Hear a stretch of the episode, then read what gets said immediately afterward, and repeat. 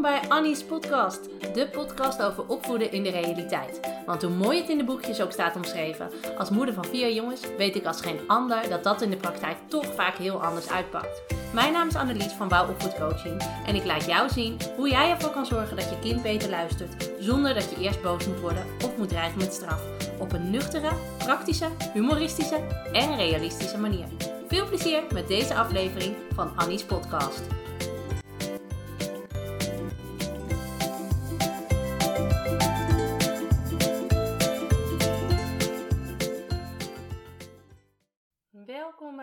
Nieuwe aflevering van Annie's podcast. En tof dat je weer luistert. Ik vind het zo leuk dat er nog steeds zoveel mensen zijn die naar mijn podcast luisteren. En uh, nou ja, misschien weet je wel dat ik op het begin best wel even getwijfeld heb uh, om überhaupt een podcast op te nemen. Want ik denk altijd, ja jeetje, hoe krijg ik die tijd nou volgekletst? Uh, omdat in mijn beleving podcast altijd ellenlang duren. En ik daar zelf helemaal geen geduld voor heb. En toen zei iemand tegen mij: maak ze gewoon lekker kort, 10 minuutjes, meer dan genoeg. En sinds ik dat ben gaan doen, uh, um, nou ja, is de podcast live. En ik krijg ook zo vaak reacties dat mensen het juist zo fijn vinden dat het lekker kort en bondig is. Uh, nou ja, dat stimuleert natuurlijk alleen maar om door te gaan. Dus nou ja, tof dat je er weer bent. En vandaag gaan we het hebben over het gevoel wat je soms hebt dat je kind nogal hardleers is. Weet je, je uh, hebt al tig keer met hem over zijn gedrag gehad. Je hebt al tig keer met hem besproken. En hij belooft keer op keer beterschap. Maar in de praktijk, nou ja, is het steeds weer hetzelfde riedeltje. En dan vraag je jezelf af: hoe moet ik het nu aanpakken? Wat, wat kan ik doen om ervoor te zorgen dat hij het wel gaat leren? Nou, wat daarin heel belangrijk is, is dat je. Um, dat je gaat beseffen dat een kind de hele dag door aan het leren is. Het kopje van je kind staat nooit stil. Want ook tijdens het tekenen, ook tijdens het trampolinespringen, tijdens het torens bouwen, ontwikkelen kinderen gewoon door. Want hoe maak je nou de hoogste toren? Waarom valt hij steeds om? En hoe ga ik met die teleurstelling om als hij alweer omgevallen is? Hoe zet ik door als het niet lukt? Hoe vraag ik om hulp? Nou ja, wat doe ik als mijn broertje in de weg loopt en mijn toren omgooit? Etcetera, etcetera. En dus, weet je, je kind leert dus niet alleen op de opvang, uh, op school van 9 tot 3. Nee, je kind is ook als hij aan het spelen is, enorm hard aan het leren. En als je dat beseft, uh, wil ik je gelijk meegeven dat je kind dus eigenlijk ook nooit rust heeft. Weet je, voor een kind is alles uh, relatief nieuw. En weet je, de gewone dingen zijn voor je kind nog geen automatisme. Waar wij zeg maar uh, uh, kunnen aanhaken op alles wat we al weten, zijn voor kinderen heel veel dingen nieuw. En moeten ze dus al die stappen steeds opnieuw zetten. En op zich is dat geen probleem, want kinderen leren heel graag en heel makkelijk. En ze nemen alles wat er om hen heen gebeurt in zich op. En dat is heel duidelijk te zien als je kind leert praten. Hè?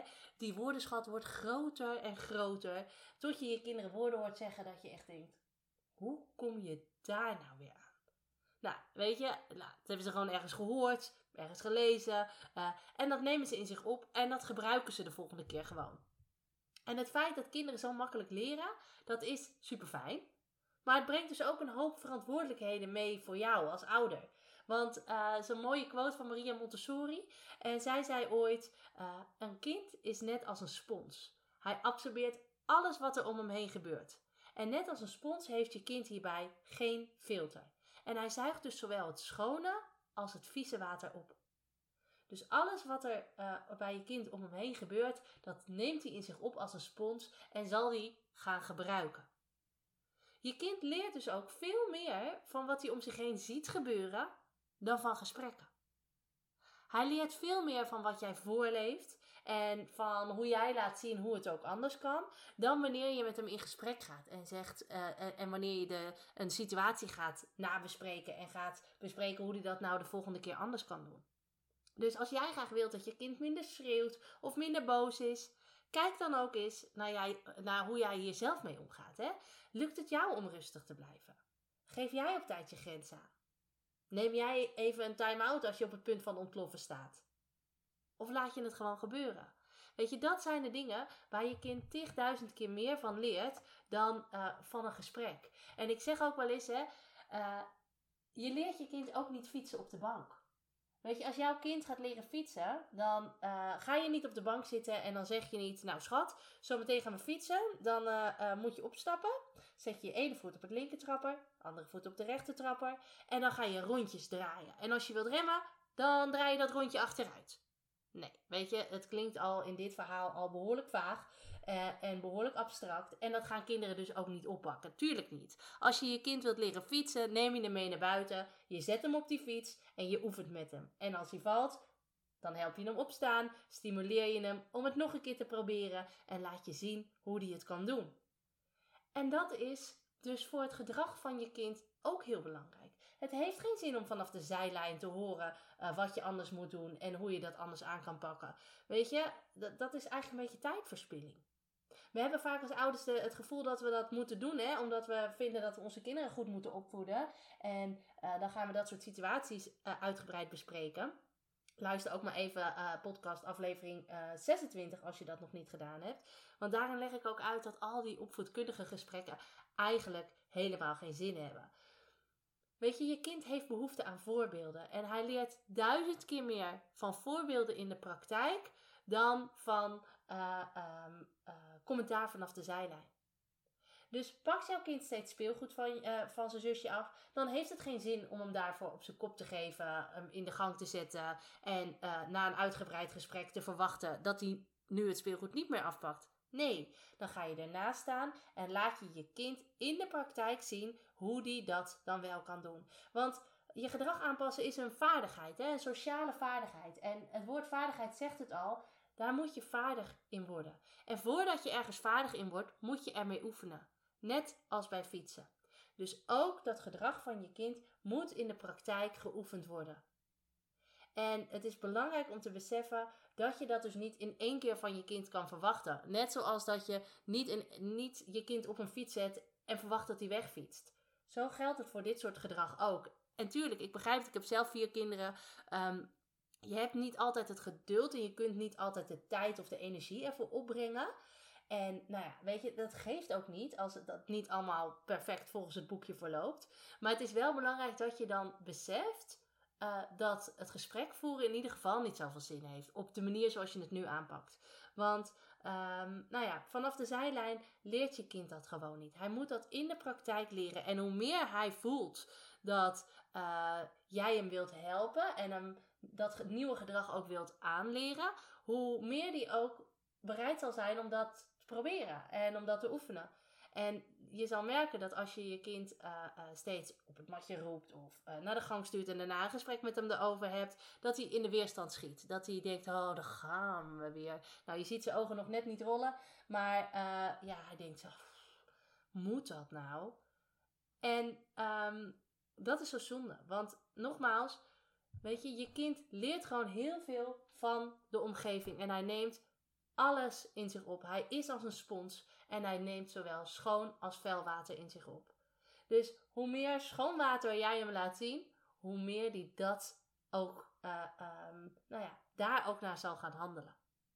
Dus dat is echt even een belangrijke. En nogmaals, kinderen staan gewoon de hele dag aan en zijn werkelijk de hele dag door aan het leren. Waar wij als de kinderen op bed liggen, op de bank kunnen ploffen en de tv aan kunnen zetten en niks kunnen doen als we daarvoor kiezen, uh, kan een kind dat gewoon niet. Want zelfs die simpele dingen, zelfs die dingen die iedere dag weer terugkomen, zijn voor je kind gewoon nog een leerproces. En zijn dingen waarin die zich nog moet ontwikkelen. Het is niet voor niks dat kinderen om zeven uur uh, uh, moe zijn en dat ze gaan slapen. Weet je, dat, dat kopje staat gewoon de hele dag aan. En um, nou ja, dat is echt even belangrijk om te beseffen. En besef dus ook dat um, uh, gedrag je normaal gedragen, omgaan met emoties, nou, et cetera, et cetera. Allemaal vaardigheden zijn die je kind stap voor stap zou moeten leren. En jij kunt als ouder je kind daarin ondersteunen. En jij kunt als ouder je kind daarin helpen. Zodat, uh, um, nou ja, niet ieder lastige situatie, niet ieder momentje waarin je kind, nou ja, even de fout ingegaan is, um, hoeft te eindigen in een strijd en hoeft te eindigen in, nou ja, in een negatieve situatie waarin de sfeer naar beneden gaat. Nou, je kent het wel.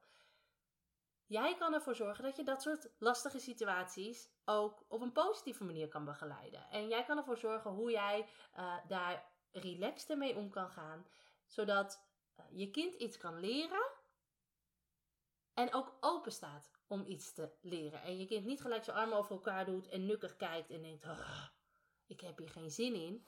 Maar dat hij voelt van oké, het is misschien even misgegaan en we gaan er samen voor zorgen dat het weer goed komt. Nou, als jij dat uh, uh, ook wil en als je daar ook mee aan de slag wil, uh, ik heb een gloednieuwe cursus die heet Van strijd met je kind naar in gesprek met je kind. En daarin ga ik je stap voor stap leren hoe jij het gesprek met je kind op een warme, positieve manier kan aangaan. Zodat je niet langer meer het gevoel hebt dat je tegen een muur praat, maar je het weer samen gaat doen met je kind. En dat je kind fouten mag maken en dat jij weet hoe je je kind daarin kan begeleiden. En dat hij niet gelijk op slot gaat en geen zin heeft om met je te praten, maar dat hij ook bereid is om te vertellen en dat hij bereid is om um, naar je te luisteren.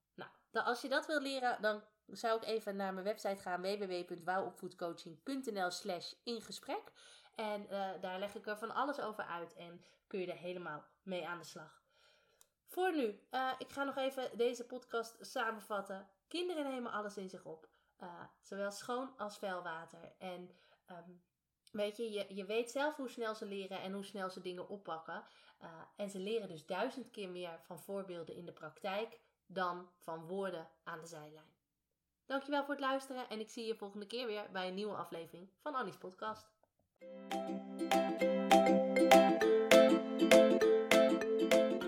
Superleuk dat je deze podcast hebt beluisterd. Kan je nou niet wachten tot de volgende aflevering van Annie's podcast? Ga dan naar Instagram, zoek me op via wouwlaagstreepje want daar deel ik iedere dag toffe en inspirerende tips met je. Om er zo voor te zorgen dat het opvoeden van je kind leuker en makkelijker wordt. Wil je nou nog meer weten? Kijk dan ook even op www.wouwopvoedcoaching.nl slash gratis. Dan kun je je aanmelden voor mijn gratis e-book met 20 tips om ervoor te zorgen dat je kind beter gaat luisteren. Of je kunt je alvast aanmelden voor het webinar Stop met politieagentje spelen. Allebei gratis, dus je hebt eigenlijk geen enkele reden uh, om het niet te doen. Ik zie je volgende keer bij een nieuwe aflevering van Annie's podcast.